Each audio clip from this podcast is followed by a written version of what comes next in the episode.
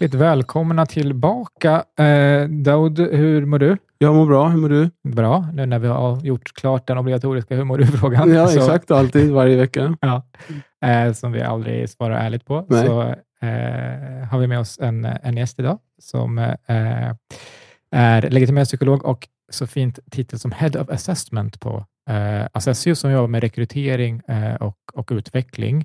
Eh, Malin Freima Moetsi, välkommen. Tack. Uttalar jag det sista efternamnet Ja, det gör du någorlunda? faktiskt. Ja, vad bra. Både Freeman och Moetzi. Det är ändå Ja. stort. Ja, det, det, det, jag förväntar mig det av mig själv ändå. Ja. Eh, men rekrytering och utveckling av alla, Rekrytering och utveckling av medarbetare och ledare.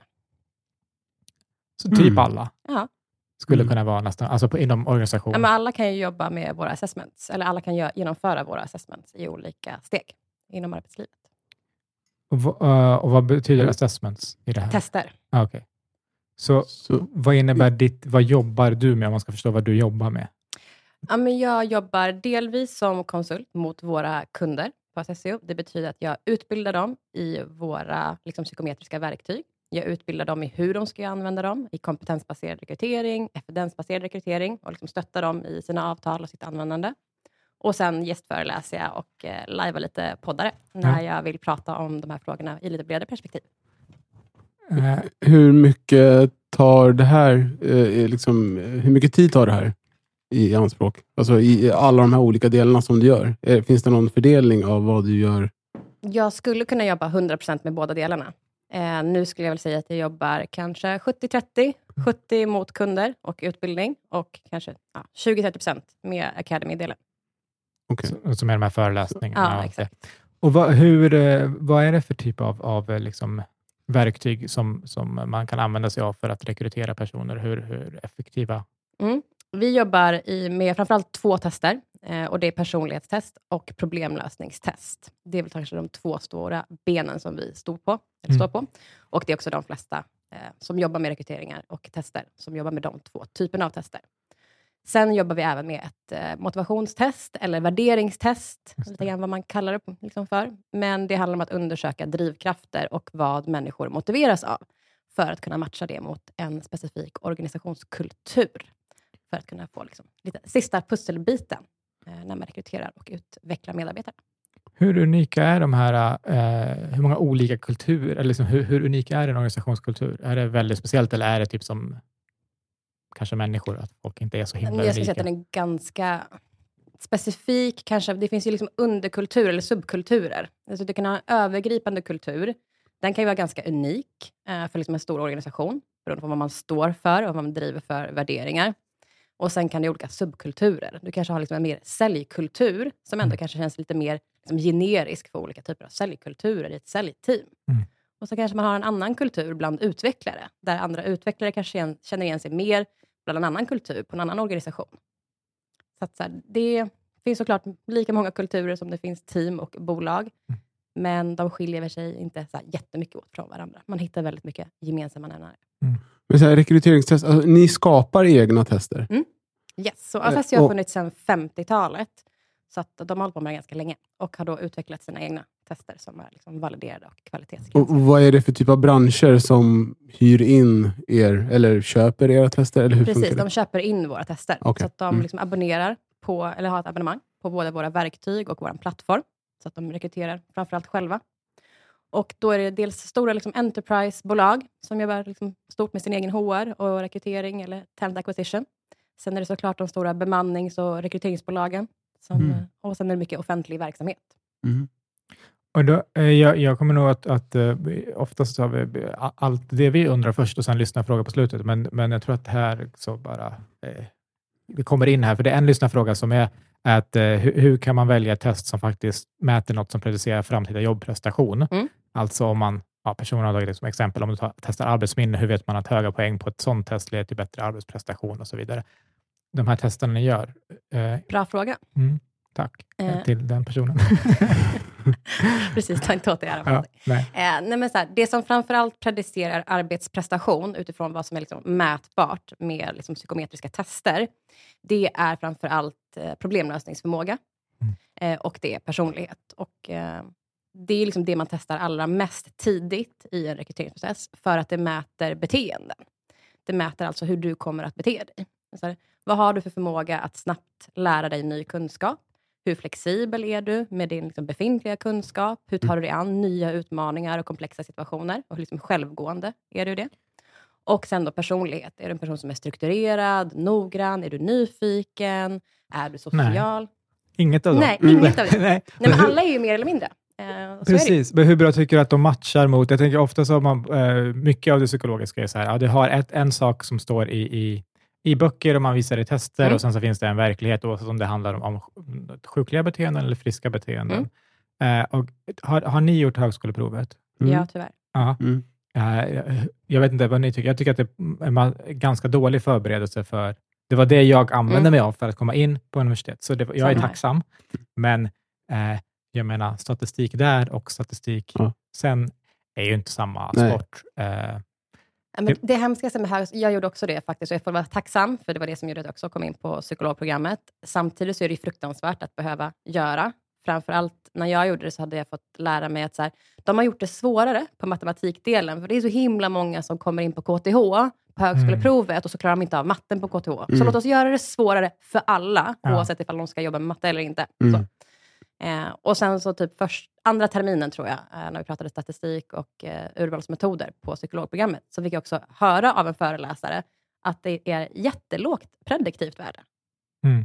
Så jag bara, men Vilket betyder, great. för de som lyssnar och kanske inte vet vad det är, att det går inte att förutsäga någonting. Så sannolikheten, alltså det går inte att predicera eller liksom förutsäga hur du kommer att bete dig eller klara av en studie eller liksom skolgång senare. Mm. Så, eh, och, och apropå det då, och de tester som ni Mm. använder er av, hur, även om det är som du säger, man tar personlighetstester, men man är ju inte, människor är på en skala, man är inte binär, man är inte nyfiken eller inte nyfiken och så vidare. Nej, och mer eller väl- mindre. Ja, men precis. Och hur väl kan det säga? Vad säger det om hur bra jag kommer att göra ett jobb?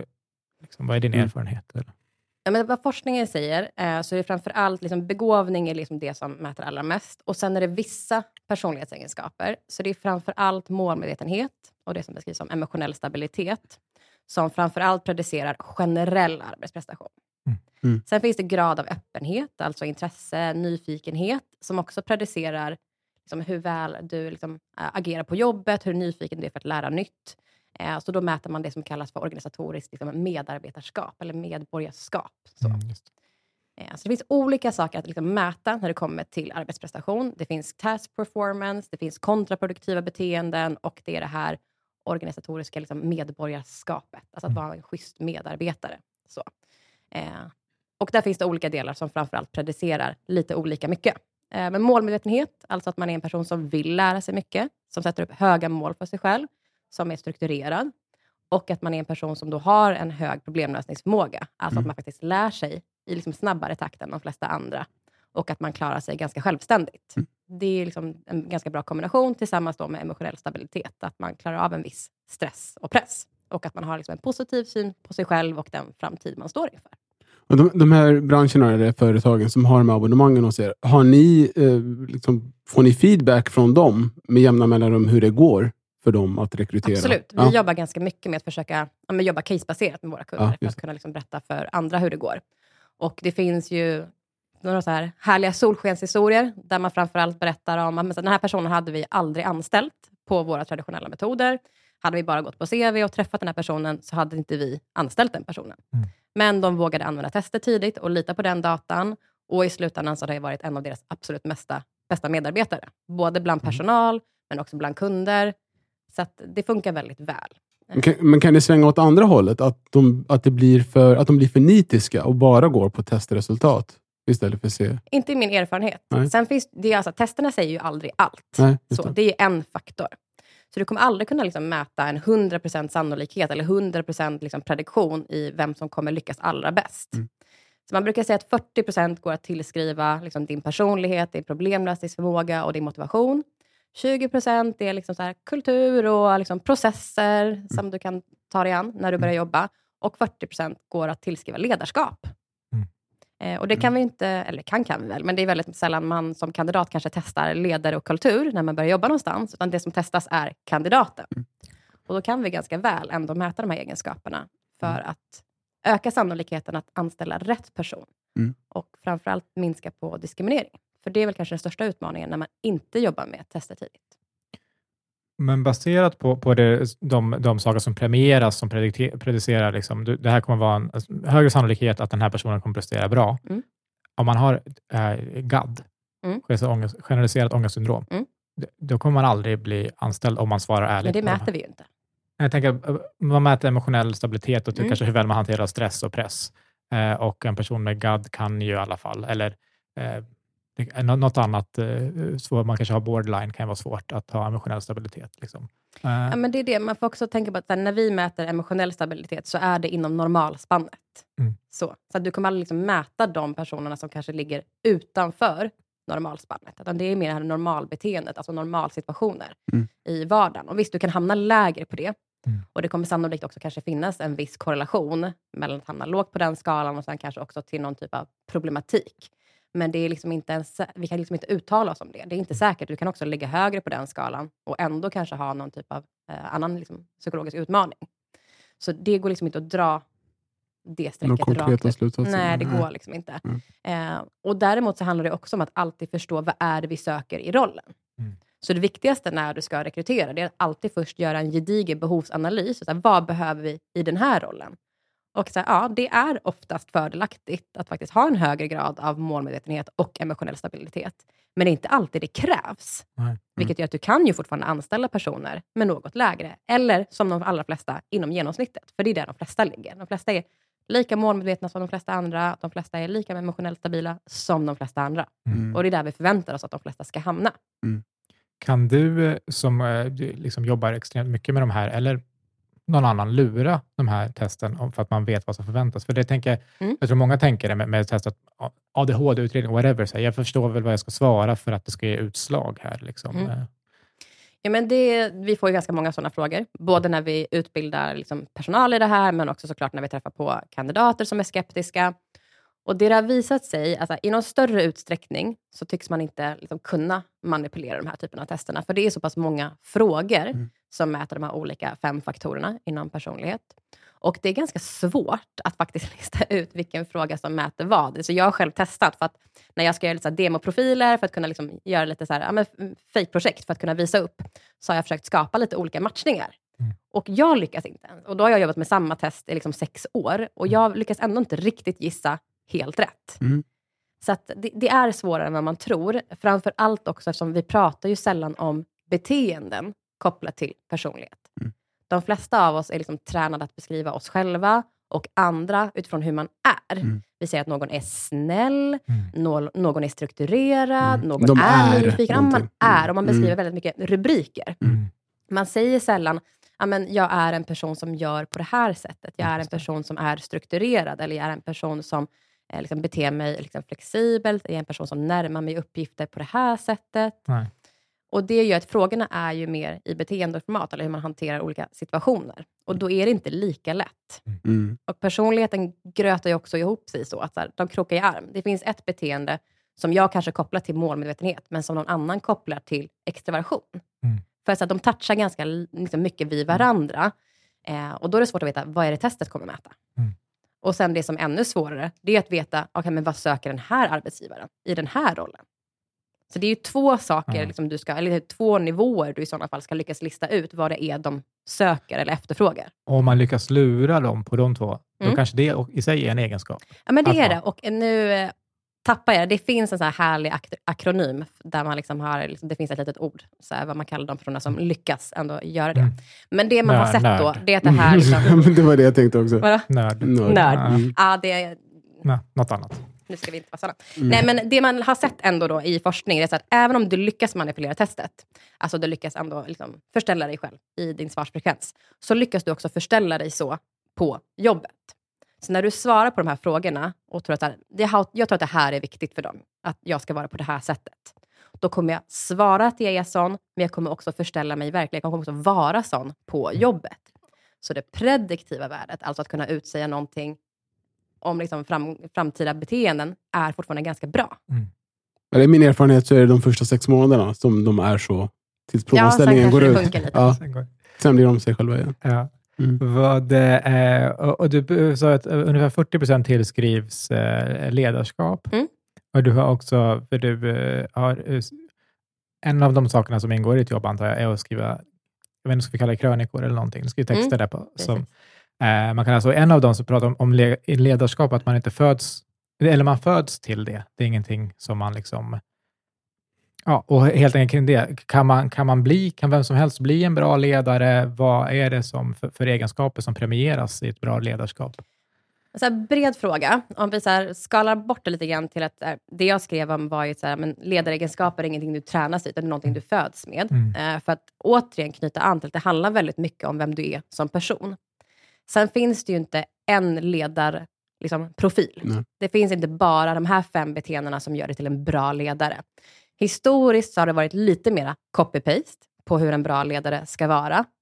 Eh, och idag så vet man ganska mycket mer. Framförallt så har det, har det förändrats ganska mycket att man ser på att liksom, empati och liksom, högre grad av medkänsla, det här relationella, börjar bli väldigt mycket viktigare i, liksom, för dagens eh, liksom, generation eh, kopplat till ledarskap. Så det är viktigare.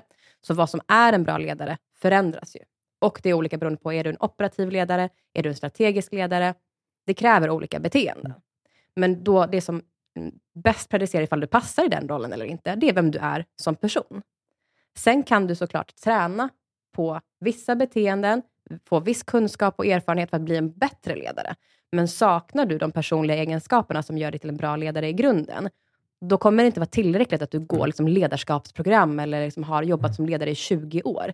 För du kommer ändå inte kunna leda ditt team. Och, och vilka, går det att svara på vilka de här egenskaperna oftast är, även om de kan variera beroende på om man kanske är militären eller... Hörnstenarna. Liksom. Ja, ja. Men ledarskap, eh, återigen, så att man behöver skilja på om det kanske är strategisk eller operativ roll. Eh, men oftast är det någon av dem, liksom, det är de två liksom, grunderna. Antingen så är det strategiskt och då handlar det om att du ska liksom, kunna bana väg, liksom, visa på vision, eh, lägga ut en strategi för att liksom, ta dig fram. Hitler. Gud vad hemskt. Ja. För alla strategiska ledare de skulle likna sig med Hitler. Jag tycker ofta så är det när folk pratar om ledare, så är det Hitler. Och det är det som så här, han var en bra ledare eller, Ja. eller talare eller något sånt. Jag tänker det, för jag, oklart Ja. om han var strategisk eller om han liksom var lite front figure, snarare var den Mm. här som beskrivs som en drivande ledare. Ja. Den som är bekväm med att ta ett rum, att stå på scen och tala inför andra, som bara så här, wow, honom Det- vill jag följa. Mm. Är Och sen när man följer honom. honom så går det inte lika bra. Nej, Mm. det är min- Strategin kanske inte var så bra som man trodde. Nej, exakt. Nej. Han blev lurad. Men sen, sen finns det det här operativa och då handlar det mer kanske om att vara strukturerad, kunna sätta upp en plan, att sätta upp mål för både dig själv men också ditt team. Tegnell. Eh, så det är väldigt viktigt. Ja. Är det Tegnell? Jag vet inte. Mm. Jag skulle ändå hellre bli liknande med Tegnell än Hitler. Ja, det är sant. För att ta Mm. de strategiska ledarna i försvar så tror jag att vi behöver komma Ja, på en bättre strategisk ledare. Ja, det borde vi. Det borde vi. Men jag kan inte komma på någon. Men, men är eh, och, och finns det några, vi- vilka egenskaper premierar man i, beroende på vad man är? Finns det någon som säger det är bra att vara medfödd om du har de här personliga egenskaperna? Ja, men om du ska vara en strategisk ledare, då är det viktigt att du har en högre grad av problemlösningsförmåga eh, och att du har en viss liksom, nyfikenhet, eh, liksom öppenhet för förändring. Du behöver ju kunna vara öppen och redo för att förändras. Du måste dels vara villig att förändras, du måste vara öppen för andras förslag och du behöver ha förmågan att faktiskt kunna genomföra förändring. Att liksom tänka lite snabbt på fötterna. Nu är det här väldigt liksom, avskalat. så. Ja, ja. Mm. Operativa, lite mer målmedvetenhet. Att vara den som är strukturerad, noggrann, eh, följa upp, sätta mål för andra, följa upp de delmålen och liksom, eh, driva igenom. Och sen så är det såklart då de här kanske mer, som vi pratade om, de här drivande egenskaperna, att man är lite mer influerande, att man är den som får med sig gruppen. Som mellanchef till exempel, så kan det vara ganska viktigt att kunna liksom förmedla eh, liksom ett meddelande eller förändring, som Mm. kanske kommer från ledningen, men att göra det på ett tillräckligt bra sätt, att du får med dig gruppen i den förändringen, som kanske någon annan har tagit fram. Och så har vi lite möjliggörande egenskaper, som handlar mer om de mjuka värdena. Att kunna möjliggöra för eh, dina medarbetare. Att se till att de mår bra, att vara uppmärksam och omtänksam på hur de mår. Att kunna tänka på din kommunikationsstil eh, och att liksom mer säkerställa de mjuka värdena. Så man brukar säga att det strategiska och operativa, det handlar om att liksom hantera verksamheten och de möjliggörande och drivande egenskaperna handlar mer om att hantera individerna inom organisationen. Mm. Och man behöver ju lite av varje. Så att du behöver ju hela din personlighet. Men så behöver du mer eller mindre av vissa egenskaper. Och nu vet inte jag om ni håller med. Dels då nu för att du är chef och Mm. du för att du jobbar med chefer. Och det är du eh, bland annat. Och då tänker jag att att ni tänker att det ni gör är toppen. Mm. Eh, men, men min bild av, av eh, jag har i princip aldrig haft en chef, men min bild av folks bild av chefer, det de beskrivit med vänner och vänners vänner och så vidare, det är väldigt sällan någon som är nöjd med, med, med sin chef. Och Mm. tänker, har du någon bild av, av, av, av den diskrepansen och varför den, den finns och kan man göra något åt den? Eller är det bara så att det blir fel personer som blir chefer, punkt, eller är det något annat? Det finns en liksom, rapport från eh, 2012 som gjordes först i USA och sen försökte man replikera det i Sverige för att se om liksom, siffrorna verkligen stämde. Där man säger att liksom, 50 procent av internt upplockade ledare misslyckas för att de saknar people skills. Mm. Så enbart för att du faktiskt inte kan hantera individerna Mm. eh, så blir du en ganska kass eh, ledare. Och då handlar det förmodligen om att man kanske har tagit, eh, om vi tänker så här, utifrån vart du jobbar, så här, men man tar kanske den bästa läkaren och frågar så här, men du, du har jobbat här länge, vi behöver en ny verksamhetschef. Mm. Så här, skulle du vara intresserad av det? För du är så himla uppskattad här som läkare, både av liksom, de andra liksom, i personalen, Mm. liksom så. Eh, och så förlorar man kanske sin bästa läkare, eller liksom sjuksyrra, eller vad det nu är. Och så får man en ganska kass ledare, för att de är bra på det de kan, passar jättebra i den rollen, men passar inte alls i ledarrollen. Så det är liksom lite Men hur mäter man det? Kan, kan det inte bara vara så att den personen som blir utvald att bli ledare, att medarbetarna missunnar den personen att vara en bra ledare? Eller? Men då har man kanske lite låg tillit till att de flesta människor bara missunnar människor. Ah, det tror jag okej, inte de flesta gör. Nej, Eh, utan återigen, så att om du är en schysst medarbetare och är en schysst ledare, Mm. då kommer folk liksom bara respektera det. Mm. Men är du inte en bra ledare, då är det ingen som vill se dig där. Så interna ledare är inte att föredra att plocka upp? Jo, absolut. eller? Om man säkerställer att man väljer den av rätt anledning. Av rätt anledning. Att man undersöker deras ledarpotential. Ja. Så du bör ju rekrytera både internt som du gör externt. Att du bör säkerställa deras potential. Så vad har de för liksom beteenderepertoar? Har de ledarpotential? Det är ganska bra att veta det redan tidigt, för då kan du ha en helt annan strategisk succe- successionsplanering. Mm. Snarare än att ha det, den som har varit här längst och gjort bäst ifrån Mm. sig, den får bli någonting mer nu. Den behöver avancera, annars förlorar vi dem. Mm. Att tänka så blir inte så strategiskt, utan det blir ganska dumt. Ja. För du kanske missar någon som har varit där ett år, eh, som har ännu bättre ledarpotential. Men man säger, nej, men de andra har ju varit här lite längre, så vi satsar på dem, för annars blir det orättvist. Jag sa, men det är mer orättvist att rekrytera någon på fel grunder. Nej, men det blir svårare kanske att vara, förhålla sig objektiv ifall man är liksom i samma Absolut. grupp. Och, ja. I rädsla att förlora någon bra Mm. kan det bli så. Absolut. Ja, och hur mycket, du pratar om också, att varje organisation har sin kultur och varje, liksom, vet, en massa olika personer och framförallt kanske om man är ett lite mindre företag eller jobbar i mindre team. Det här, liksom, hur parerar man att det skär sig mellan du vet, två personer, alltså en är le- ledaren och, och sen en eller några i gruppen? Liksom. Kan man mäta sånt eller är det bara... Mm, Det beror på lite grann varför det skär sig, såklart. Om vi tänker att det är en ledare som faktiskt då, liksom, hela gruppen upplever att det här är en person som inte har de ledaregenskaperna vi behöver. För det kan ju också vara att så här, vi tycker om den här personen, personen är schysst, är en bra ledare, men inte för oss i nuläget. Vi behöver någon som kanske tar oss genom en organisatorisk förändring, någon som tar oss genom en kris, eller någon som bara håller oss liksom, stabila. Det beror på vart man är i nuet också, vad som utgör ett bra ledaregen, liksom, en bra eh, ledaregenskap. Eh, men om det är en person i gruppen, då får man bara försöka lösa det kanske mellan de två individerna. För att jag tänker på det du sa innan, det här med att men, jag har nästan aldrig hört någon som säger att man har en bra chef, eller det är alltid någon som tycker. Och så är det, du kan ju aldrig göra alla nöjda. Mm. För du kan inte matcha med alla i ett team eller i ett bolag. Någon kommer tycka att du är för kontrollerande Mm. och detaljstyrd, medan andra älskar det. För de bara, det är så skönt att någon ger oss struktur och säger åt oss vad vi ska göra, så vi slipper tänka eh, Mm. så. Utan vi kan bara följa och göra det vi ska. Eh, och någon annan tycker det liksom tvärtom. Eh, så det är ganska svårt som ledare att göra kanske alla nöjda. Men det finns definitivt bättre ledare. Jag har haft både fruktansvärda ledare och helt magiska ledare. Mm. Men alla som jag har jobbat med, även med de bra ledarna, kanske inte alltid har hållit med, för att de har haft ett annat behov. Och det är svårt att tillgodose alla medarbetares behov. Har det hänt att du har träffat någon som använder era verktyg, alltså en ledare då som Mm. ska ha något bra rekryteringsverktyg och så träffar du den här ledaren och du bara, herregud, den här ledaren, det spelar ingen roll vilka verktyg den här använder, den behöver ju hjälp själv. Liksom. Jag skulle inte dra det så långt att jag Nej. skulle säga så här, men gud, den här personen behöver hjälp själv. Ja. Men jag har definitivt vid liksom, omorganiseringar, eller när man har liksom, tittat på interna eh, potentiella ledare, eh, sett att man kanske väljer att gå vidare med personer som jag inte tycker är mest lämpad Nej. för den rollen. Eh, men det är svårt. Eh, Mm. Folk tenderar ju att ändå lita på sin magkänsla Mm. eller sin relation till individer mer än vad de litar på tester. På För tester. att tester är ju det är data.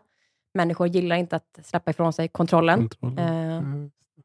Det finns en Mm. debatt i, i fotbollsvärlden om, om eller en förändring som sker, apropå det som med, med data. Och då kommer det in massa just sådana nördar som har Mm. sina dataprogram och, och eh, kanske inte alls är fotbollsintresserade Mm. eller har varit i sina liv.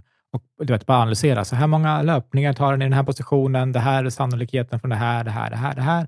Och så här, är- den här profilen kommer passa här.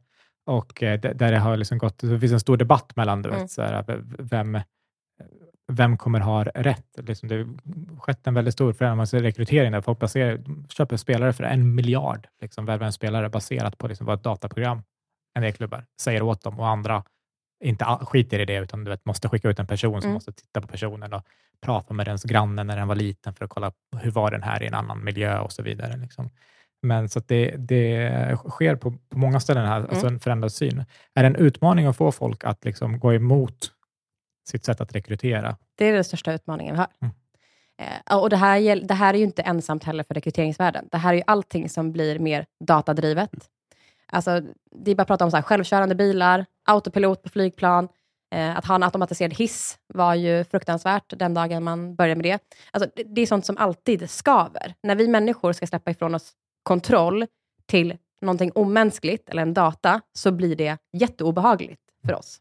Och det är ju för att vi som människor är programmerade att lita mer på vår egen magkänsla Mm. än på någonting annat. Trots att motsatsen är bevisad. Mm.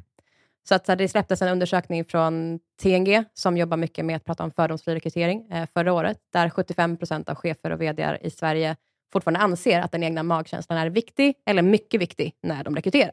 Mm. Trots att vi vet att magkänslan är det absolut värsta vi kan utgå ifrån när vi rekryterar. För då är vi känsliga för bias och fördomar. Mm. Och hur gör man? För jag vet att när du, när du föreläser så gör du en del om det just så här med eh, fördomar och så. Mm. Liksom. Hur kan, kan man, du nämner bias, ska jag bara nämna, bias är typ fördomar. Eh, Tankefel. hur kan man komma åt, kan man komma åt det? Vad kan man göra? Eh, Man kan ju inte bli av med dem, eh, för då skulle vi liksom göra oss av med den delen som gör oss till människor. Eh, och Det tror jag också bara så här, man behöver vara öppen med. Så här, det är ingen som säger att de människorna som har fördomar eller tar fel beslut på grund av bias är liksom dåliga människor eller dåliga rekryterare. För att så här, det är mänskligt. Vi har alla fördomar på ett eller annat sätt. Men man, behö- man kan ändå göra sig medveten om det. Om man förstår vilka typer av liksom fördomar eller tankefel vi tenderar att liksom hamna i när vi rekryterar och gör sig mer uppmärksam på det och använder mer objektiva metoder för det, då kan vi ändå minska diskriminering väldigt drastiskt. och hur, hur eh, gör man det? Eller, alltså, ni, ni, då börjar ni med de här testerna. Mm. Man borde, och det här, förlåt om du har skrivit om det, jag har missat det, men eh, anonymisera CV. Ja, det finns det vissa som jobbar med. Ja. Eh, både att man gör det liksom internt, det finns också många så här rekryteringssystem eh, som kan hjälpa andra bolag att också avanonymisera i första stegen. Eh, för att man inte ska färgas av etnicitet eller ålder. Ja, men kön. precis. Ja, jag tänker Det att- funkar ju ganska bra. Men har man liksom inga andra metoder efter det, så kommer du ju fortfarande någonstans Arbetsintervju ändå... i burka bara. Och Ja, men alla, oavsett. Ja. Nej, men visst, till slut så ser du personen. Till slut så kommer någon att diskrimineras. Ja, exakt. Ah. ja, verkligen. Nej, men så är det. Och det är så här, hela poängen med att ändå jobba med tester tidigt och jobba med objektiva metoder tidigt, det är ju så här, vi kommer inte kunna ha en fördomsfri rekrytering. Det är helt omöjligt så länge vi har en mänsklig faktor i liksom kanske en slutintervju. Mm. Men det vi kan göra är att vi kan ändå skjuta på subjektiviteten och säkerställa att rätt personer går vidare. Så att de fem eller tre personerna som vi har som slutkandidater, de är där för att de har lika bra potential att vara framgångsrika. Så det spelar ingen roll. Vi kan antingen vara subjektiva efter en intervju, eller så kan vi liksom blunda och välja någon av de här fem eller tre. Och det är lika stor chans att det går bra. Mm. Mm. Men om man liksom vänder på det och har mycket av det här subjektiva tidigt, då är chansen att, men är du svensk så är det större chans att du går vidare. Är du ung? Är du man? Eh, om du anses vara liksom snygg, attraktiv? Är du lång? Massa sådana här liksom fysiska attribut eh, som egentligen inte säger någonting om din arbetsprestation. Det är mer predicerande i, i huruvida du går vidare eller inte till Mm. intervju. Så om man ska gå på intervju, ska man, vad kan man... Man ska inte vara vi två. Så. Nej, vi ska verkligen inte vara Nej. det. ja, vi, vi är i alla fall män. Ja. Man kan vara sämre. Ja, det kan. Nej, men, eh, det är lite intressant. Alltså, om vi tänker oss er två, Ja. så kommer ni faktiskt vara den gruppen som diskrimineras på allra mest. Ja. Det släpptes Amen, en studie syster. på det här i, från SU i våras, som visar att just framförallt icke-europeiska män är den gruppen som diskrimineras på allra mest. Därefter kvinnor. Så muslimer allra mest, eh, och sen överviktiga personer eh, som nummer två. Typiskt. Mm. Men man, man skulle vara lång. Ja, men jag har märkt det. Eh, du är inte så lång heller. Nej, jag är Nej. inte det. Eller jag är så här average. Jätte-average. Ja. 1,65. Har du varit i länder där du är längre? Nej. Nej, okej. Men jag, man märker direkt en skillnad alltså, när man, man eh, Mm. du, du vet, det- når grejer. Långa män tenderar att ha högre lön, fler liksom, chefspositioner. Men de måste ju betala för byx. Alltså det kostar mer. Det är. Tyget och Det är det tyg. därför. Och så vidare. Ja. Mm. Mm. Vad skönt att vi har rättfärdigat eh, deras högre positioner och högre löner nu. Nej, men alltså, jag, jag, jag, jag har ju... eh, Alla barn, när jag tänker att man skaffar barn, så är en aktiv komponent för mig att försöka att se till att de inte föds slutet av året. Eh, för att man... Man vill ha Q1-barn. Ja, helst. eh, eller Q2, men absolut inte fjärde kvartalet. Eh, och, eh, jag, det, det här är ju präglat av mig själv. Det finns ju en del forskning, framförallt när det kommer till idrott, som visar på att Mm. folk som är födda senare del är, eh, fast det inte borde spela någon roll när man är vuxen, men de flesta, många är födda på första halvan av året. Men eh, för det är en sån himla stor... För folk tänker ju ofta, tror jag, med att man är Eh, ja, det är, man får köpa alkohol sist och gå på krogen sist Mm. och sånt där. Men då är man ganska stor. Men Alltså att vara ett år yngre än alla är så stor skillnad när man är 6, 7, 7, 8, 8, 9. Det är jättestor skillnad. Och, då, och när man är så fysiskt mindre också. Och jag vet inte om det också spelar roll om man är fysiskt mindre som, som kille, där det förväntas, liksom där det har kanske sätts andra liksom, värden på, på den egenskapen. Men jag, fick spela, jag spelade hockey och så fick jag någon gång spela med 88 när jag var 87. Mm. Och det var, då var man istället bland de bättre helt plötsligt, fast istället för att vara bland de sämre. Och bara var det, eller ibland när man står på en pall bara, alltså, tänk, så slår det mig ibland, så, här, så här långa är vi. Alltså du vet, då är jag bara en 85 eller något. Alltså jag är inte så här svinlång. Jäv, alltså man känner direkt Ja, att så lite- här, om man står och pratar med någon, så tittar man lite ner på dem och så här, eh, alltså, Är det så här det känns?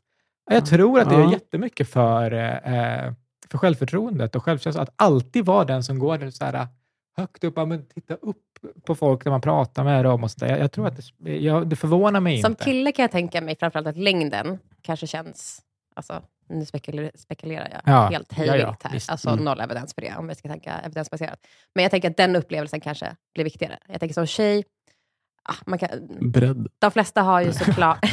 Ja. Nej, rätt. fördelaktigt att vara bred. Mm, ja, Det är nej, tvärtom, det att man tvärtom. tänker mer på... Ja, exakt. man bryr sig ja, mer man tänker om... mer Ja. på sizen. Ja, men, ja, men, ja, men sannolikt. Ja. Eh, säkert det. Men Mm. däremot det här kanske att vara tidig på året, alltså både kunskapsmässigt, alltså kognitivt och fysiskt när du är liten, är ju stor skillnad på att vara född januari, augusti, december. Det är ett helt år. Mm. Och jag tänker, vår skola, alltså i vårt samhälle så är det ju uppbyggt med one size fits all. Så alla födda samma år går i samma årskull. Mm. Och jag kommer ihåg när jag var liten, jag vet inte hur mycket det görs, eh, nu är jag också född 87, precis som du, jag vet inte hur det är idag.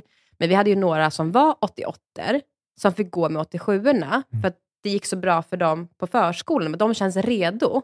Men Mm. vad gör det med någon att vara redo för någonting äldre, men då istället hamna längst bak, istället Mm. för att vara mer redo och kanske vara liksom, främst Mm. i sin egen årskull? Ja, men visst. Mm. Och det är många, alltså bara på en, en, jag vet att det här kanske inte finns kvar och det här också kanske inte är sant, men jag har förstått det som en sanning. Eh, att på, på juristprogrammet, i alla fall i Uppsala, att de hade en psykolog kopplad till programmet. Det var kanske psykologstudenter som man fick gå till för att det var så många som mådde så dåligt. Därför att det är det enda, som jag förstår det, programmet som när man kommer in så spelar betygen fortfarande roll. Så man samlar alla de nördigaste nördarna i människor, Mm. liksom i, i du vet, duktigaste pluggisarna. Eh, eh, och som har kommit in för att de är så duktiga pluggisar. Mm. Ja, här har du massa andra duktiga pluggisar. Och nu, är in, nu kommer bara ett par av er vara bäst. De alla andra kommer inte vara bäst längre. Nej. Och det blir liksom jobbigt för människor att, att inte vara den längre. Mm. Medan, och det spelar också roll. Alltså det är kanske är jobbigt på psykologprogrammet också att, så här, att jag inte har högst betyg och det hade man förut. Men Det spelar ingen roll. Du blir antingen godkänd eller inte. Där om inte du får liksom VG på allting så är det svårare sen att få sitta ting och så vidare. Liksom. Men det där är Mm. ju sant, och det är inte bara för juristprogrammet. Eh, Jag har coachat eh, studenter Mm. som gick på Handelshögskolan, eh, som hade ofta samma utmaningar. Mm. Att så här, först är du liksom above average, liksom din generella normgruppen, Mm. vilket är normalpopulationen. Liksom ja, du är något smartare, kanske något mer driven och liksom så, eh, kopplat än de flesta andra. Men så börjar du i en ny normgrupp. En helt ny population som är så här, alla som är som du i den andra, din tidigare klass, går nu i samma klass. Och då måste du ha en ny normalfördelning. Mm. Och då är det bara ytterligare 16 procent i bara den gruppen som kan vara något bättre än de flesta andra. Mm. Och du kommer sannolikt behö- liksom, tillhöra genomsnittet. Eller har otur så tillhör du de som är under genomsnittet i den här gruppen. Så helt plötsligt kanske du är sämst i klassen. Mm. Det gör ganska mycket med ens självbild när du är liksom typ 19, 20. Som Mm. många är när de börjar studera direkt efter gymnasiet. Mm. Jättejobbigt. Och ja, och jag tror att även, alltså man är säkert ännu mer skör när man är, när man är yngre, men för vem som helst. Alltså, och återkommer jag ofta till liksom idrottsreferenser, men alla, det är ju inte ovanligt att folk helt, du vet, de är fotboll eller hockey eller baseballproffs eller något och sen så slutar de och sen är de inte länge tills de är typ hemlösa och har inga pengar. För att vem är jag om inte Mm. det här? Det är det här jag har gjort, det är det här jag kan. Jag är en fotbollsspelare, hockeyspelare, whatever jag är. Det är allt de har gjort hela sina liv och de identifierar sig som det. Och sen så är de inte det längre. Och sen ännu värre kanske om det är med någon skada så blir det lite Mm. plötsligt och sådär. Men så det tror jag är något som, som många eh, kan förstå och relatera till på sitt egna sätt, hur, Mm. hur den Mm. eh, är. Men jo- jobbar ni mycket, har ni, jag tänker bara på så att vi läser i skolan om, om arbetsorganisationspsykologi och de olika så här, Mm. teorierna och modellerna. Så här, utgår ni någonting från, från det när man tänker så här, det är så här mycket stress kontra så här mycket kontroll och så här mycket liksom, Nej, eh, kanske inte så mycket den typen av liksom, psykologi. Eh, liksom, eh, där jag jobbar, vi jobbar ju framför allt kring liksom, rekrytering eller medarbetare slash ledarutveckling. Mm. Det är inte, när man pratar om organisationspsykologi så pratar man också kanske om OBM och förändring, eh, psykisk hälsa eh, och. OBM, där. OBM, organisatorisk beteende, vad heter, nej, vad är det? Ja. Gud, vad hemskt. Eh, organizational behavior management, Mm. organisatorisk, ja, hur vi nu Beteende. översätter det till Ja. svenska. Oftast är det det man jobbar med när man ska kanske kliva in och hjälpa ett or- liksom en organisation Mm. genom en förändring, eh, Mm. genom en kris Mm. eller så. Eh, och då pratar man mycket om det här. stresskontroll, eh, Mm. så här, hur mycket kontroll upplever du att du har på ditt jobb eh, och liksom, hur är din liksom, stress sårbarhet. Här pratar vi bara om liksom, psykometri. Och psykometri det är ju när liksom, statistik och psykologi liksom, blir kära och eh, typ, gifter sig med varandra. Mm. Mm. Det är när de två möts. Mm. Eh, Så att det är ju statistik om personliga egenskaper. Mm. Antingen din personlighet eller din problemlösningsförmåga. Så kognitiva förmågor och din personlighet. Så det är ju den forskningen vi utgår ifrån och pratar om. Eh, Så ni går aldrig in i ett företag där de är så här, vi har problem, vi måste få hjälp, eh, Nej. det är kaos i gruppen eller något sånt där? nej, det gör inte vi. Men det är ju alltså, det är ändå ganska brett. Sa du? Personlighet och eh, problem. Ja, Problemlösningsförmåga. det är ju jättebra. Eller- Men bara... f- Problemlösningsförmåga är ju det som de flesta kommer, så här, de kommer känna igen intelligens eller logik. Ja, Eh, exakt. men det är problemlösningsförmåga. Eh, Men brandsläckning är liksom inte er grej. Nej, Nej. det är inte vår grej. Nej. Utan vi jobbar ju snarare liksom proaktivt. Vi Mm. vill att människor ska må bra på jobbet. Och ska du må bra på jobbet, då ska du vara i en roll där du har ja, men kanske så här, lite så här högre grad av kontroll. För det handlar om att du ska ha förmågan att kunna utföra ditt arbete. Mm. Du ska kunna genomföra dina arbetsuppgifter. Mm. Du ska kunna liksom vara dig själv och göra det på rätt sätt. Ja. Så. Eh, för att om du är i rätt roll, där du får vara dig själv och slipper vara någon annan åtta timmar om dagen, liksom fem dagar i veckan, då mår du bättre. Mm. Eh, det här kan man också så här, tänka tillbaka till så här, skolan. Så här, oftast, eh, och nu vill jag att ni svarar rätt på den här frågan, så att vi tar oss vidare. Men så här, Mhm. vad tyckte man var, var roligast i skolan, generellt? Åh, vad sa folk? Rast? Nej, Rast, menar du ett ämne? Ja, det Ja, var, men typ, så här, vad, vad tyckte man, vilka uppgifter var liksom, roligast?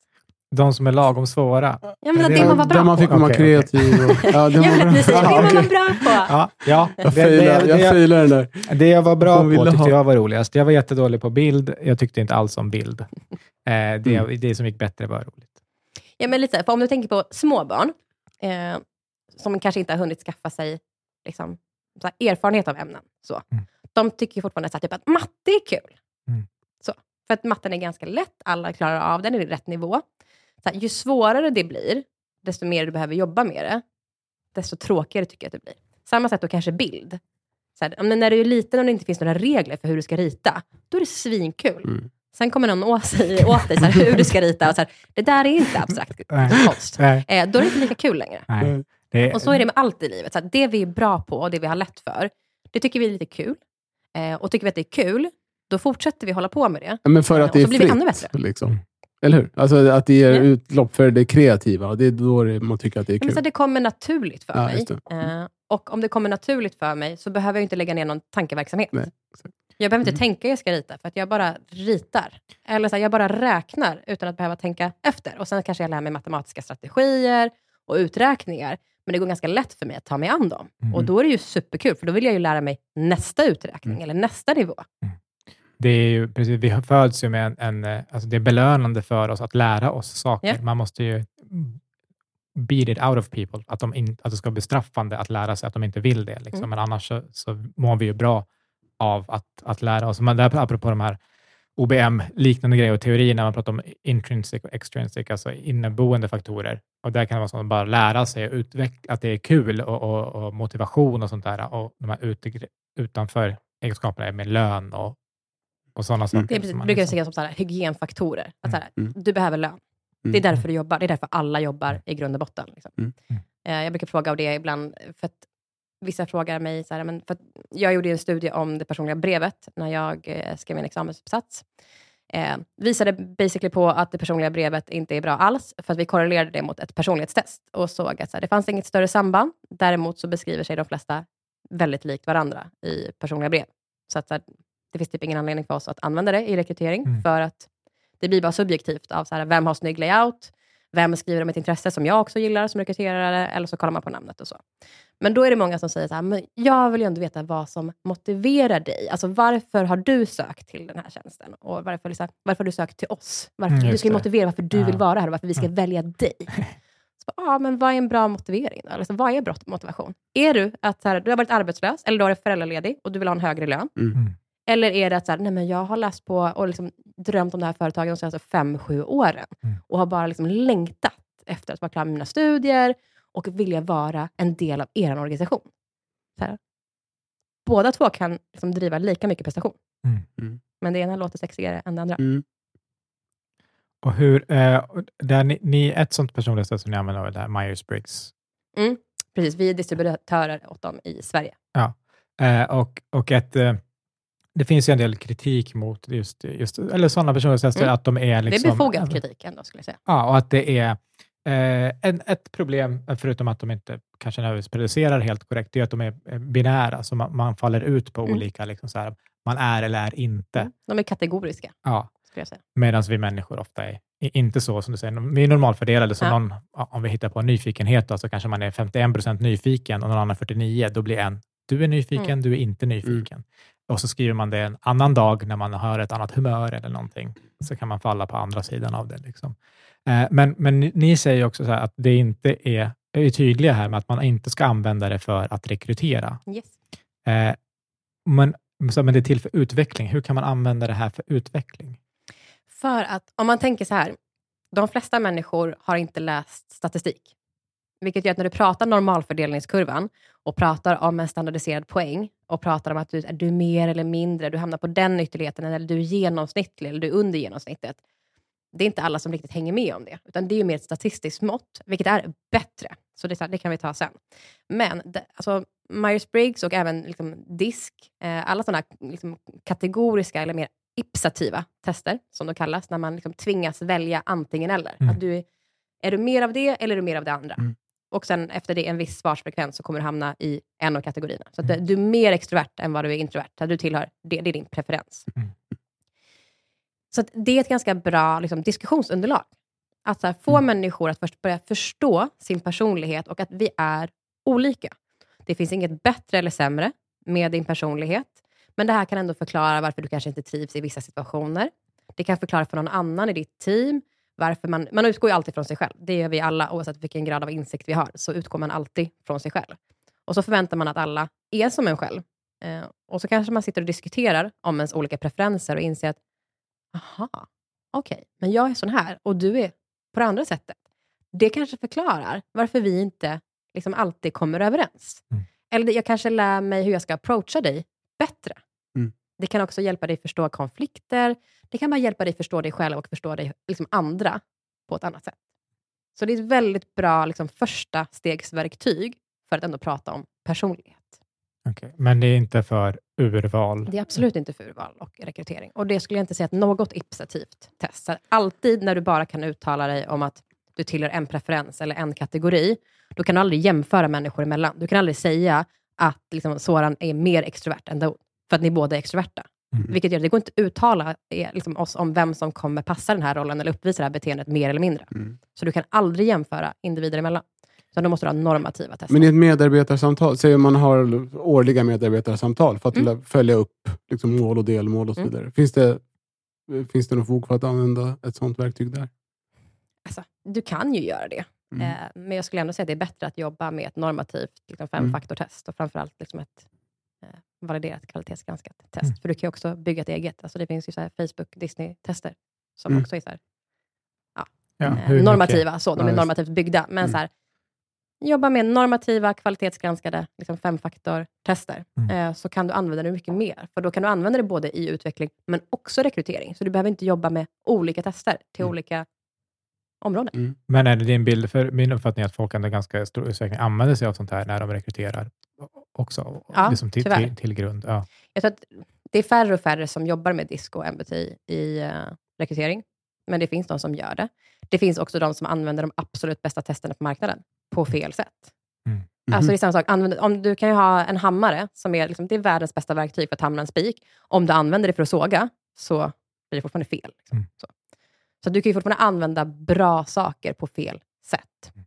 Och Det här är väl den största utmaningen när det kommer till att prata med både arbetsgivare och framförallt kandidater eh, som söker jobb kring tester.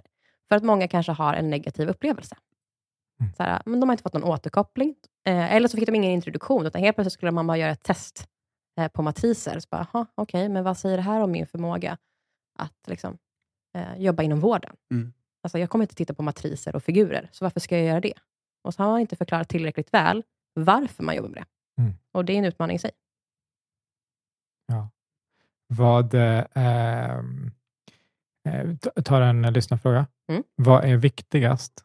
Eh, kanske nämnt det lite grann. Eh, fikarum eller kunskap? Fikarum, kom, minnas kompis. Eh, då, Tänk att de flesta är sociala och anpassar sig, men kunskap behöver läras in eller utvecklas. Det kan ju ha fel, även om det aldrig har hänt tidigare.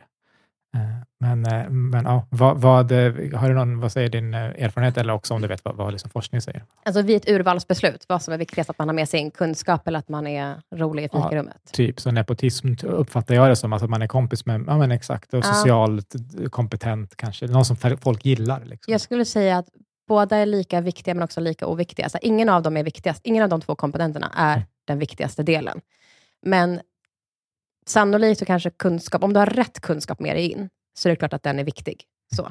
Problemet vid urval och rekrytering, är att om vi inte har ett liksom, kunskapsprov, som alla får genomföra tidigt i rekryteringen, då kan vi inte uttala oss om hur du använder dig av din kunskap, eller om det är rätt kunskap. Mm. Till exempel alla som har liksom, studerat samma saker, eller alla som har jobbat på samma jobb, har ju på sitt CV samma meriter. Mm. Samma kunskap, samma erfarenhet. Är den lika värd? Troligtvis inte. Mm. Mm. Och det här med fikarummet, det har man ju sett, så här, återigen, då, är, då är det det här organisatoriska liksom, eh, medborgarskapet. Det är också ganska viktigt för liksom, ett teams välmående. Och mår teamet bra, då är deras produktivitet bättre. Mm. Så det är också jätteviktigt. Det finns ganska så här, amerikansk forskning som har börjat tagas in även på liksom, svenska marknaden. Vi jobbar med liksom, riskbeteenden. Alltså hur vi tenderar att agera under stress och press. Liksom när vi inte är oss själva, när frontalloben basically är wiped out. Så. Om vi är sömndepriverade, alkoholpåverkade, eller lite så. Eh, men då pratar man om toxiskt ledarskap eller toxiska eh, beteenden. Eh, så det är mycket man pratar om i USA, därför man säger toxiskt. Det är lite mer Mhm. laddat på svenska. Man liksom Mhm. använder inte det, utan vi pratar mer riskbeteenden eller extrema beteenden. Så. Men där ser man just att en person i team på 20 kan vara liksom tillräckligt för att väldigt många ska antingen säga upp sig, eller att du sänker graden av teamets produktivitet. Det kan man verkligen tänka sig. Och, och, Det eh, det är ju superenkelt och vi Mm. har ett så här jättefint citat att så här, liksom, toxic liksom, behaviors is as contagious as the common cold. Mm. Och det tror jag att alla också kan relatera Mm. till. Att så här, har du jobbat med en toxisk ledare eller haft en toxisk medarbetare, kollega, så vet du att så här, Det sakta men säkert, det Mm. sprider sig. Till Mm. slut så är inte ens du lika schysst och du är inte lika bra på ditt jobb. Så att man Om blir ju inte annat så sämre. påverkar, ja, man blir, så- även om man inte beter sig värre, så menar jag så att det är svårt att man bara har varit, det kan vara en klass eller en grupp eller ett lag, eller du vet, som du säger, bara 15-20 personer samlade. Om en person bara är störig nog, så Mm. räcker det för att man ska bara välja bort det om man kan. Så, här, nej, Mm. jag vill inte gå på den festen eller middagen eller vad det än är. Som jag säger, majoriteten av högpresterare, alltså liksom kanske dina toppresterare i teamet, de säger också upp sig. Mm. Om de har en toxisk chef eller kollega. Mm. Så de drar ju.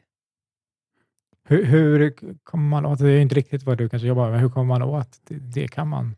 Ja, men det kan också mäta med personlighetstest. Eh, sen gäller det att vara försiktig, för där säger vi ingenting om det prediktiva värdet. Alltså vi kan inte säga vem som kommer uppvisa de här beteendena på jobbet, eller liksom hur ofta. Mm. Utan det enda vi kan prata om, här, vilka är dina riskbeteenden? Mm. För att göra dig medveten om det. Eh, för det kan ju ändå, liksom, precis som med fördomar, så här, det viktigaste och nyckeln är oftast medvetenhet. Är du medveten om situationer som triggar dig, som stressar dig, och vilka beteenden som kanske är liksom lite, ligger dig lite närmare till hands att börja visa upp, då kan du ändå minska på de beteendena. Mm. Men det är någon som någonsin skulle vara ärlig med det? För jag tänker att det här Ja. handlar om så här, ja, om när jag blir stressad, då slåss jag. Du vet, Ja, men, jag ska vi, vi ställer ju inte de frågorna, men det, det finns ju en forskning som visar på att genom att jobba med normal personlighet, alltså ställa samma frågor som du gör i ett vanligt personlighetstest, så kan du hitta vissa items eller vissa frågor som faktiskt mäter med dina riskbeteenden. Och Mm. det finns ju integritetstest som, där det finns en fråga, eh, det här är inte vårt test, eh, men på tal om så lite laddade frågor, där frågan är så här, eh, jag blir illa till mods när barn far illa. Ja. Det finns de som svarar nej. ja. Och det är det, för du frågar så här, men då svarar man verkligen på det? Ja. Personer Mm. som säger, ja, nej, jag, bryr mig inte. Det är klart att jag ser att det är hemskt, men jag påverkas inte av det. Jag kan Men- ju tycka liksom Mm. objektivt att det är en hemsk situation, Mm. det är jättehemskt, men jag mår inte illa av det. Jag blir inte illa till mods. Det säger väl jättemycket om en person. Eller att de svar, inte att de är det, Ja, men för mig, men det att finns du ju ändå ganska svarar det. många. Ja, men så här, normalfördelningskurva. Ja, men de, det, Det är är alltså, det är väl otroligt. liksom, affekter är inte inblandade, utan det, det är bara liksom så ja, men så här, här, medkänslan är inte det, påverkad. Här. Jag ser att det är hemskt, Mm. men jag känner mig inte Men jag menar, man måste vara helt frånkopplad från hur det kan tas emot, det svaret. Även Nej. om så här, Det beror på nej. hur man att de ser inte tolkar problemet med det. För så här, ja, men Det är återigen, så här, helt- jag tycker jag sy- synd om dem, men det är klart att det är hemskt. Men så här, det påverkar inte hur jag beter mig. nej. De tolkar frågan. Eh, Det betyder inte att du skulle gå förbi de här Fråga. barnen och låta dem behandlas illa. Det handlar om, om du ser det på TV, Ja. så är det så här, ja, men det är klart att jag ser att det är en hemsk situation och jag önskar inga det här. nej Men jag mår inte dåligt av att se det. Jag förstår, jag bara tänker att, att, att säga det till någon skulle man, och borde oroa en. Inte om du det kommer- förmodligen är en person som inte påverkas. Det är Nej. då du inte tycker att det är lika problematiskt. Men varför skulle jag må dåligt? Ja, men jag tänker, det finns ju jättemånga sociala kod där man är så här, okej, jag, eh, jag kör bil och äter kött, men jag fattar att det uppfattas på ett visst sätt. För mig är det inte jobbigt och därför gör jag det. Men, Förlåt. andra, Jag kör bil och äter kött. Menar det är du, dåligt. menar du som Samtidigt. två... Ah, exakt. Alltså, Ja. Menar du samtidigt jag, kä- jag äter kött när jag kör bil? Ja, Eller att jag är en bilförare och jag är köttätare? båda. Allt det där. Att vara, bil, att vara bilförare, Ja. är det någonting negativt? Jag tror det, idag. Att vara bilförare? Om du inte har en elbil. Mm. Du, fråga Greta. Du menar en Hon fossil, står här en utanför jämt. Eh, Men på, på normal, alltså, på gruppnivå, bilförare. Nej, men vi är inte riktigt där än. Men, men jag menar, det, finns, det kan finnas beteenden som man vet att så här, De är mer premierade i samhället. Ja. Ja, Lite dygdsignalering. åsikter. Ja. Liksom så här. Det här är inte en populär åsikt, Mm. men jag har den. Jag tycker att aborträtten ska kortas ner, eller vad man än har, så Mm. måste man fatta så här. Jag känner av att i det här landet, eller samhället, eller kontexten jag är i, så är det här inte en populär åsikt att ha. Jag bara, så det är inte min åsikt. Men man skulle kunna ha den åsikten. Mm. Men, och då kanske man är liksom restriktiv och, och eh, som ofta är ett, ett problem när man gör psykologiska tester generellt, i, liksom, forskning, är ju just att, att man är, folk inte svarar ärligt. Men om vi leker med tanken då ändå. Så jag Eh. blev förvånad att folk är villiga att Om vi göra tänker det. att du, för att det låter ju på dig som att du skulle svara, eller som du sa, du skulle svara ja på den här frågan. Så här, jag, liksom, jag älska, blir älska barn. Ja, Ja, älskar barn, vill inte se dem skriva det i liksom, caps. vill inte se dem fara illa, för då mår jag dåligt. Ja, Personer som då, nu spekulerar jag lite, men vi tänker så här, personer på andra sidan, de tänker så här, men vad hjälper det dem att du mår dåligt? Det hjälper ju inte situationen helst. nej. Det de menar är så här, de här personerna kan ju fortfarande kanske till och med jobba med sådana här frågor för att kunna göra en förändring i världen, för att de tycker att det är fruktansvärt. Men de är fokuserade på att lösa uppgiften, Ja, inte för att sitta där och tycka synd. nej, nej, jag är helt med. Jag Och det är bara, det som är liksom, jag, jag, är du på den änden av skalan, då så här, det problematiska är inte att känna med dem. Nej, nej. Jag utan det kan fattar. snarare bli problematiskt att du känner för mycket med andra. För det finns ju utmaningar med bägge ändar. Om du sitter och mår Absolut. dåligt för allt du ser i världen, typ som nu när man slår på nyheterna, Ja. det är inte heller jättehärligt. Nej, det är inte konstruktivt. Mm. Nej, men jag, jag är helt med på att jag säger inte att de här människorna är, eh, att det är dål, dåliga människor, eller ens en dålig egenskap. Mm. Jag tänker bara att de skulle tänka att det här är en egenskap som kommer att tas emot som någonting osympatiskt Mm. och att man inte vill framstå som osympatisk, som är hela det här, glömt vad den bias heter, men när man ska göra tester på folk, att de vill liksom, social desirability bias, att man vill vara, uppfattas på ett visst sätt. Mm. Ja, om, då- du, om du söker jobb på Rädda Barnen eller SS barnbyar, Mm. då kanske du svarar så, för du bara, äh, här tror jag att de söker det. Ja. Eh, men om du söker jobb på Microsoft eller någonting, så bara, Ja. vad spelar det för roll? vad är barn? Ja. Ja, men, så här, Mm. ja, men, så här, det, Mm. Jag tror att det handlar om det, jag tror att de personerna, alltså, allting så här, vad är kontexten? Ja. Och varför skulle du inte kunna svara ärligt på den frågan? För Mm. så här, de ser det inte som problematiskt, för att i rätt kontext så behöver du vara mer uppgiftsfokuserad och du behöver kunna liksom, frånkoppla dig känslorna. Vi har fått in en fråga som är lite kopplad till det, det, lite det du pratar om. Finns det något sätt att testa dygd på sina arbetare? Alltså hur väl liksom, de sköter sitt jobb, att de inte fuskar, är lojala och sånt. Så dygd behöver man i sådana fall, så vad menar man med det? Eh, det här med att man inte fuskar och det här, liksom, de här beteenden du beskriver. Eh, inom psykologin och inom arbetspsykologi så pratar man om integritet. Och integritet, när man pratar med var gemene man, så kommer man säga kanske någonting annorlunda. Men inom psykologin så handlar integritet om huruvida du följer regler och normer. Så hög grad av integritet, då gör du som andra säger, så som du blir tillsagd. Du följer liksom normer och regler i samhället och på jobbet. Och det kan du mäta. Så att, hamnar du under genomsnittet på sådana typer av test, då ökar risken att du faktiskt stjäl material från jobbet, att du behandlar både människor illa, att du kanske liksom, ja, delar med dig av sekretessbelagd information, sjukskriver dig. Så där, om, återigen, så här, på tal om vad vi har Mm. frågat våra kunder, så har vi sett att liksom, när man rekryterar sommarpersonal, så kan du minska sjukfrånvaron med 1-2 procent på en sommar, eh, om du mäter det här innan. Mm. Ja, och det är ju 1-2 procent låter inte så här jättemycket, men det kan vara en kvarts till en halv miljon på en sommar. Så så här, i pengar för ett bolag är det fortfarande ganska mycket. Så det kan man mäta. Och det är faktiskt också de personlighetstesterna som har bäst evidens. Eh, en annan fråga på våra chefer. Så är det någon som säger att den hade anställning på eh, ett ställe Eh, och, och det, det, korta drag, allt var toppen. Mm. Och efter två år så slutade den chefen som var där, som var toppenchef, och så kom det in en ny chef, inte toppen, Mm. motsatsen. Eh, och eh, samma prestationer som personen har gjort eh, duger inte längre för den här nya chefen. Och kanske svår fråga att svara direkt på, men frågan är så, får en ny chef komma in så där och bara sätta upp egna regler? Men, men är det här en utmaning och hur kan man hantera det? Är det något som ni... hade kunnat vara jag som hade ställt den frågan för några år sedan, men Ja. jag gissar Mm. att det var jag. Eller jag vet att det inte var jag. Vad bra. Skicka in en egen ja, fråga. exakt. Jäkla bra. Eh, nej men så här, det kommer föra med sig utmaningar, eh, garanterat. Eh, och mycket av en kultur hänger ju såklart på en ledare, för att de är kulturbärare. Eh, och de kan komma in och sätta egna regler och styra. Det för sällan med sig bra saker om man inte då kanske tar i beaktande hur personalen har betett sig tidigare, satt sig in i liksom, hur man har jobbat tidigare, hur man har mätt prestation tidigare, om det skiftar. Om du har blivit anställd som ledare för att kanske skaka om, skapa en ny struktur, sätta nya regler, då är ju det ens uppdrag. Mm. Sen kan ju det skava otroligt mycket för medarbetarna, men det är fortfarande ditt jobb att göra. Så, att så här, du kan fortfarande vara en bra ledare utifrån din ledningsgrupp, men medarbetarna tycker inte om det. Mm. Mm. Eller så kommer du in som ledare och kanske inte har så mycket kunskap eller så mycket people skills och då blir det problematiskt. Men det som händer framför allt då, det är att personer förmodligen kommer säga upp sig. Mm. Eller inte må bra och så kommer de antingen bli uppsagda eller säga upp sig eller bara sänka sin produktivitet. Det här är väl rätt vanligt förekommande, tänker jag, eller hur? På många Jag tror att det är ganska vanligt. Ja. Så, det kanske inte är det vanligaste, men det är ju inte så att när man pratar om det här i grupp så finns det alltid liksom två eller tre personer som säger ah, jag kan känner relatera, jag jag, kan Ja, känna igen det exakt. där. Men det måste vara svårt, tänker jag, att komma in som chef, som ny, just för att som, om de pratar om kultur, de ska vara kulturbärare.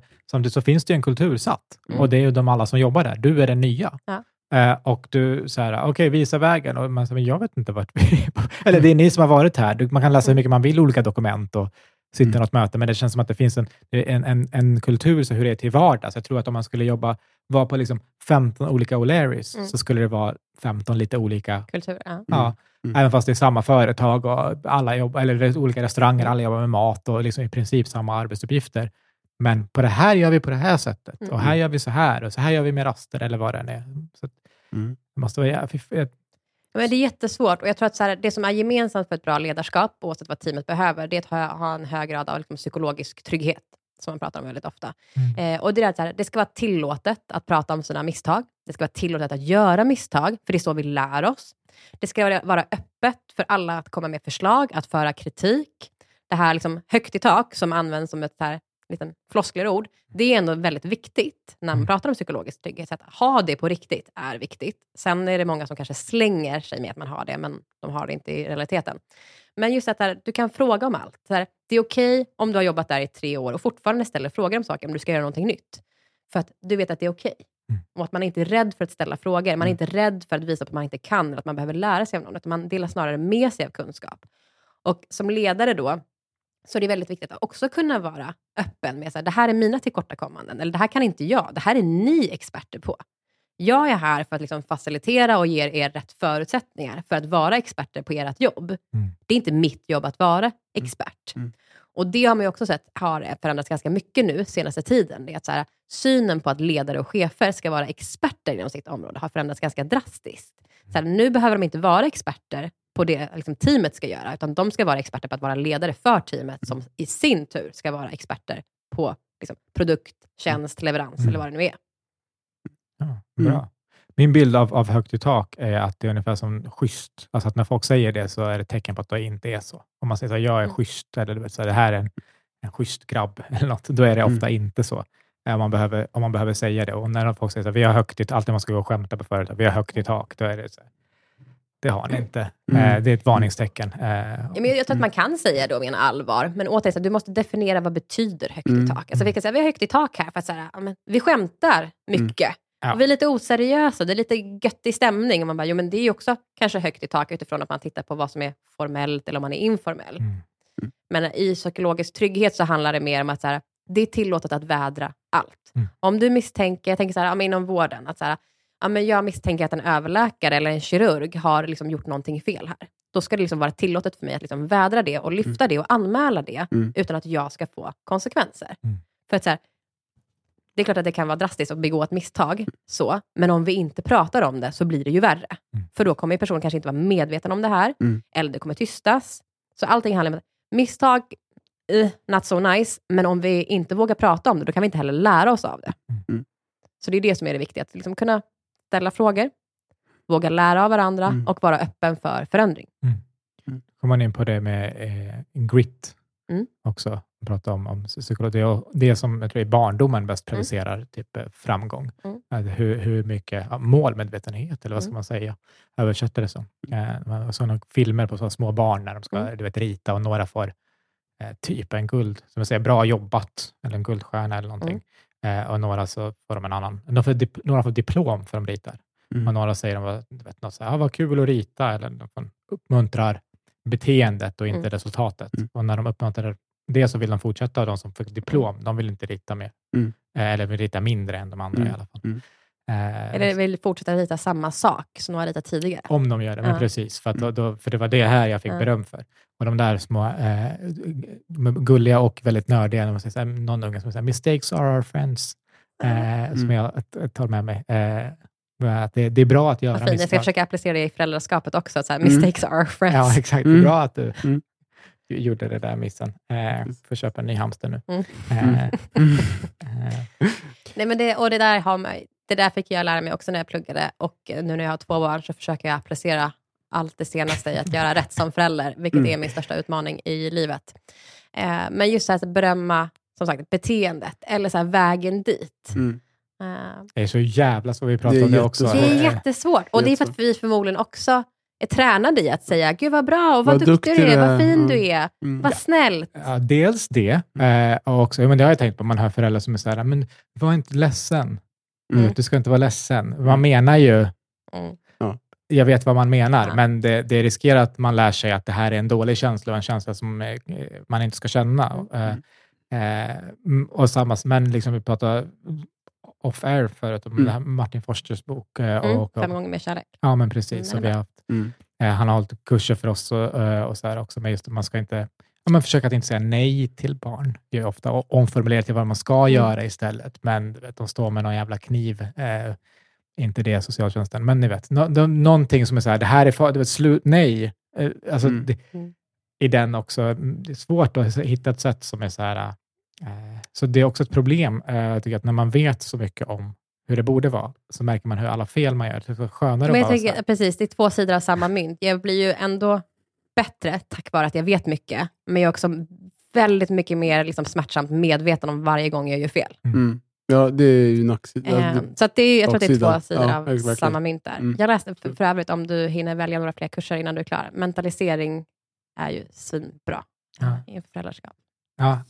Nej, jag, Mm. jag har inga sådana fel var, men jag fick den, en, en bok om mentalisering av Mm. mina, när jag gjorde praktik. Som, I tonåren, mentalisering för tonåringar. Eller jag minns inte vad den heter. Det heter någonting med mentalisering, så det är möjligt. Det fanns ord efter mentalisering. Eh, Är den typ turkos och blå? Jag minns bara storleken. Ah. Eh, det, var, det var en mindre bok. DSM-5. ja, exakt. Det är den som är... Eh, Nej, men det är ett jättebra eh, ämne annars, för alla personer som vill lära sig om perspektivtagande och att sätta sig in i framförallt barn, men tonåringar och Mm. kanske även vuxna. Det är jättebra. Eh, en till fråga till dig. Hur förhåller du dig till, du har pratat en del om evidens här, hur förhåller du dig Mm. till evidens i din yrkesvardag? Eh, typ eh, kontra liksom, erfarenhet eller kliniskt omdöme? Om vi definierar evidensbaserat arbete så handlar det om att sätta forskning först. Eh, så vi utgår från vad vi vet, eh, mest utifrån forskning. Men evidensbaserat innebär ju också att inkludera kunskap från experter. Mm. Så att alltså kan jag såklart applicera även min egen expertis, där jag vet att så här, men det här har jag ändå stött på tillräckligt många gånger, eller ta råd och hjälp av andra experter. Så. Eh, och sen såklart behöver man alltid göra en specifik avvägning per situation. Men jag skulle säga att jag jobbar evidensbaserat eh, i det mesta jag gör Mm. eh, i mitt arbete. Och det är också det jag faktiskt tränar andra allra mest i, att försöka jobba evidensbaserat.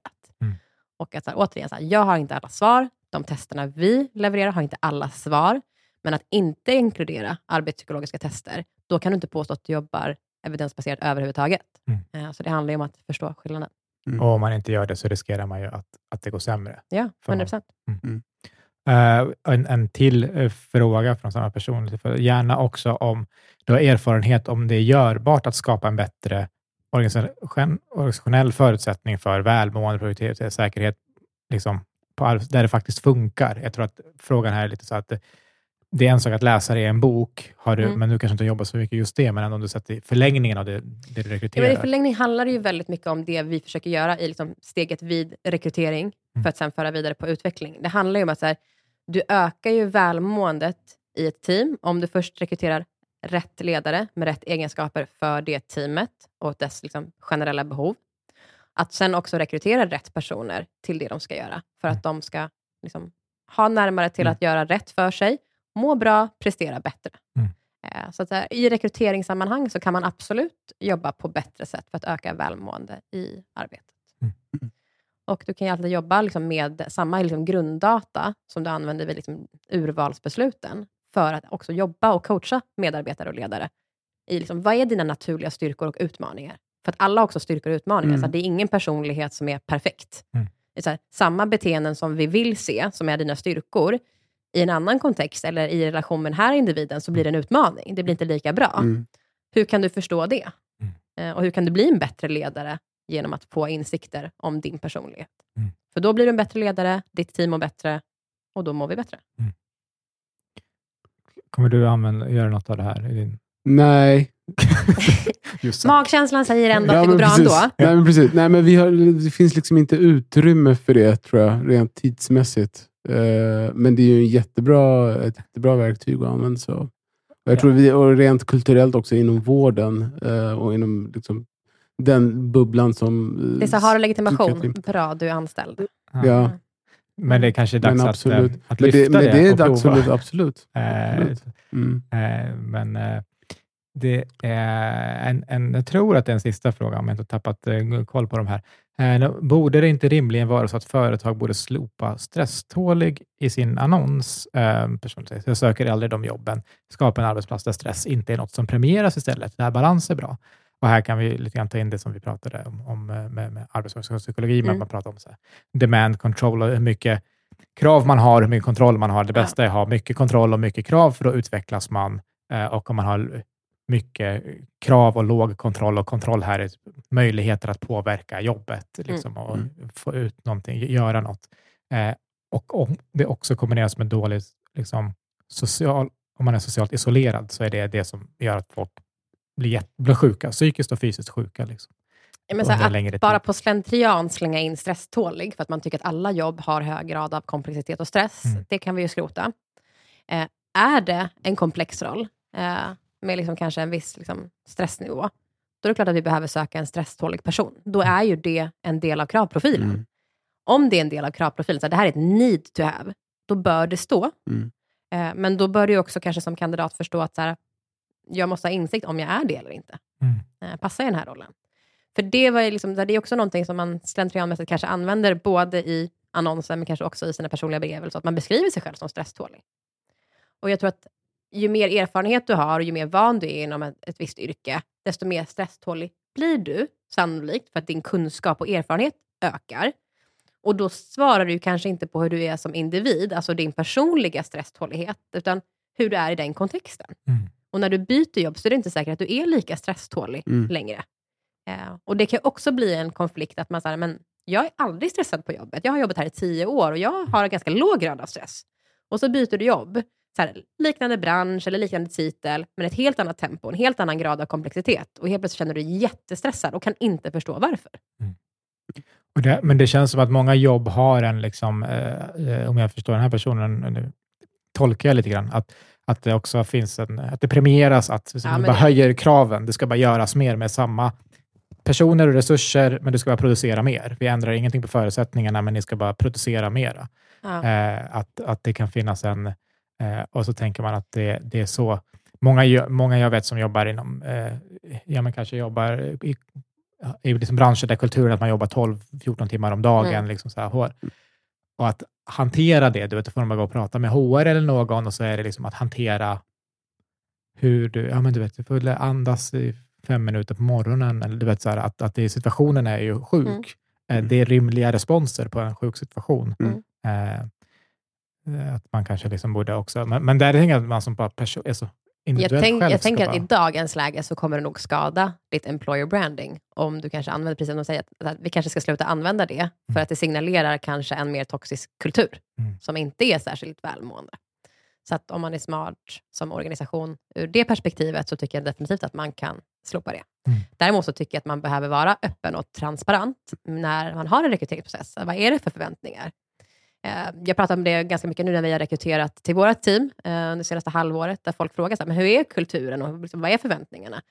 Och det finns ingen idé, det finns ingen anledning för mig att inte vara tydlig heller. Mm. Att så här, det finns inga förväntningar på att du ska jobba mer än 40 timmar i veckan. Men generellt så är personer här ganska högpresterande och det finns alltid mycket att göra, mycket att lära. Så att så här, kulturen har ju präglats av att individer är lite nyfikna, drivna och så, vilket gör att ja, du kan också jobba 60 timmar i veckan. Om du inte själv sätter, nej, liksom Mm. sätter ner foten och säger nej. Mm. Eh, Det gäller att vara tydlig som arbetsgivare, för att annars kan, om du inte pratar om det, så att, nej men absolut, det är ganska lågt tempo, du förväntas inte göra mer, och så märker man att så här, det är ganska lätt att göra mer, men ingen säger nej åt mig, utan jag måste göra det själv. Mm. Då måste ju någon ha sagt det så här, men jag försöker hjälpa dig säga nej, men det ligger också på kanske ditt eget bord ibland att göra det. Eh, att vara öppen med det. Och sen kanske man byter ledarskap, byter Mm. ledare, och då har man en ledare som är jättebra på att säga nej åt dig. Och då slipper du. Mm. Men så här, det där är svårt. Alltså, det, det är Mm. otroligt Mm. svårt. Och då är det bättre att vara öppen och transparent än att lova någonting som inte är sant. Mm. Jag tänker också är vanligt eh, att många är så här är vi sköna och chill eh, eller vad det är. Ja. Men sen så är det liksom tysta krav eller eh, Exakt. just jag upplever att väldigt många mår också då att när man inte, alltså människor överlag, inte bara på jobbet, men, men det bara syns ofta på jobbet, när man inte vet vad som förväntas av en. Det kan också vara en relation eller vad som helst. Men vad är det? Sån här Som vag arbetsbeskrivning. Ja, exakt. Ja. Och folk bara sitter och är oroliga att det ska Mm. göras mer eller något som borde, något annat. Att folk kan liksom göra mer om ändå må bra och må Mm. bättre. Mm. Bara de vet att det finns en tydlighet. Liksom, vad förväntas? Mm.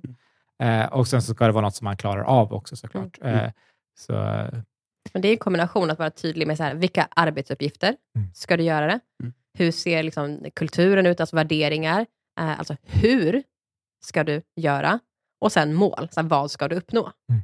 Där du behöver ha tydliga mål, tydliga liksom, arbetsbeskrivningar och också en tydlig värderingsbeskrivning. Mm. Och inte bara så här, mod, empati, utan så här, ja, men hur Mm. visar jag Mm. mod? Mm. Hur visar jag empati? För det är olika för olika individer. Mm. Ehm, Så att det gäller att alltid ge huret. Så här, hur ska jag utföra mina arbetsuppgifter? Hur ska jag bete mig mot våra kunder, mina kollegor? Mm. Eh, och vad är målen jag mäts mot? Och apropå det, så stress, bara det ordet, betyder ju olika för olika personer. Och för Ja. Vi pratade om förra veckan, för, Mm. de, liksom, som för de flesta betyder stress eh, någonting negativt, men egentligen är det bara ett liksom, påslag av autonoma nervsystem. Ja, det är, ju Eller liksom, det är någonting nödvändigt för att sätta igång oss. Ja, de flesta presterar bra med en viss nivå av, av stress, Mm. liksom, att, att man behöver det. Men det är oftast graden av återhämtning som gör att det blir problematiskt. Mm. Eller långvarig stress utan pauser. men det här med, det var också nå- någon, en, en, en fråga liksom, om, eh, alltså är det rimligt att till poliser, man får inte bli polis om man har DAMP, eh, om man har ADHD. Mm. Eh, där tänker jag att kanske, de kanske skulle ha Så ett tydligt att du är född stresstålig. 87 när du sa damp och Ja, inte ADHD. Exakt, Mm. jag tycker det borde heta DAMP. det hette DAMP-ungar. Eh, Ja. eh, och eh, nej, men man, eh, ja, men de, de är nog kanske stresståliga, har det i sitt Mm. ett krav, i alla fall om man är i, yttre tjänst eller vad det Mm. heter. Men, eh, och att personen också frågar, vad, kan man göra det med liksom andra dra sådana, du kan inte ha borderline och jobba med det här Mm. eller så, så vidare. Det, det, är kanske, det är inget som, som du kanske jobbar med, men liksom bara liksom, som, som diskussion. Jag tänker att det är ganska svårt, för jag tänkte när det kommer till ADHD, eh, så är ju de, det är någonting som har ökat och diagnoserna har ju ökat. Eh, så. Samtidigt så är det, och det är för att det har blivit mindre stigmatiserat. Mm. Eh, så det är ju en förklaringsmodell. Så här, Mm. Läkemedelsbolagen liksom, bolagen investerar mer i forskning, vi vet mer, det är lättare att diagnostisera, eh, det är mindre säkert. Det finns flera förklaringar till Mm. varför det ökar, men det ökar. Eh, och i takt med att det ökar, eh, så är det ju fler som kanske redan jobbar som polis och visar sig ha ADHD. Mm. Och det kanske har gått jättebra. Mm. Så då handlar det ju bara om att det är ju inte, eh, om man ska säga, om man, MPF, alltså liksom själva funktionsvariationen, det är inte den som kanske avgör om du platsar eller inte. Mm. Det är huruvida du har fått en diagnos. Mm. Alltså om du har blivit utredd och fått en diagnos. Det är det som på något sätt blir kravet. Ja, precis. Och det, Mm. det är det som kanske blir fel. Alltså personer med exakt samma... Eh, för det är det en vanlig, som folk säger fel, så jag tror vi sagt det tidigare, men liksom jag har eh, som jag har ADHD. Mm. Att, jag, då, att jag skulle säga så här, jo, men jag, jag eh, eh, kom sent för att jag har ADHD. Mm. Eller du vet, jag, jag Mm. glömde bort det här för jag har ADHD. Att det är inte Mm. så det fungerar. Det är inte ADHD att man tittar i hjärnan och ser, så här, och titta det här är en ADHD-hjärna. Här kan du se. På en, Så man har ju sett viss skillnad. Eh, som man till och med har sett liksom på hjärnavbildningar hos barn, nyfödda. Jaha, det, det, det, det är ett, som, som vi har Så det verkar- lärt oss senast, så att det är svårt att på liksom, eh, Det är svårt, för det kan också liksom förändras. Men här, man kan se Ja. vissa... Ja, men att man liksom inte kan... Eh, eh, det, men så här, det är ett gäng symptom Mm. som, blir, som vi kallar Mm. för ADHD. Eh, och så det är så här, jag kommer sent Mm. och glömmer vart jag har lagt mina saker eller vad det än är. Eh, och det kallar jag för ADHD. Mm. Så ur det perspektivet kan det också kanske vara rimligt att man inte kan få vissa jobb om man inte... Alltså, så här, ja, jag har svårt med min impulskontroll, jag har svårt med det här och det här är ett jobb där det är viktigt med impulskontroll Ja. och emotionsreglering till exempel. Mm. Eh, så att, eh, om det är så tar, inte, om man har, man har borderline eller något annat så är det så här, Mm. det är ju inte heller så här, du har borderline, här ser vi den här personen har den här sjukdomen, det är det här viruset eller något sånt där, utan Nej, och det är inte heller så att alla med borderline eller alla med ADHD har samma problematik Nej. eller samma grad av problematik eller utmaningar. Det är också lite kontextberoende. Mm.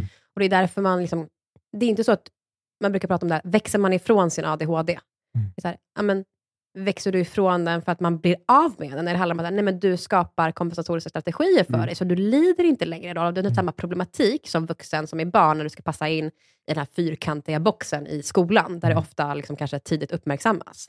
Mm. Eller så är det tvärtom, att så här, det märks inte alls i skolan, för att framförallt för att du kanske är tjej, men det visar sig sen, när du liksom har en utbränd diagnos, du har haft både liksom borderline och som har visat sig inte vara det, och så visar det sig att du har haft ADHD, Mm. men du är Eller tjej, du har- så det har, vi har inte tittat på de kriterierna, för det eller inte. livet för du får barn och nu är det Nej. andra förväntningar Ja. och krav. Mm. Liksom. Och du kanske funkar jättebra i arbetslivet, Mm. men så här, hemma eller i relationer, det är där det uttrycker sig mer som ett problem. Mm. Alltså, min partner kanske tycker det är svinjobbigt att jag beter mig på ett visst sätt och aldrig kan lyssna. Mm. Men på jobbet är jag så pass nyfiken och intresserad, så det här dopaminpåslaget som ändå håller min uppmärksamhet, den är så pass triggad på jobbet, för jag tycker det är så intressant och kul.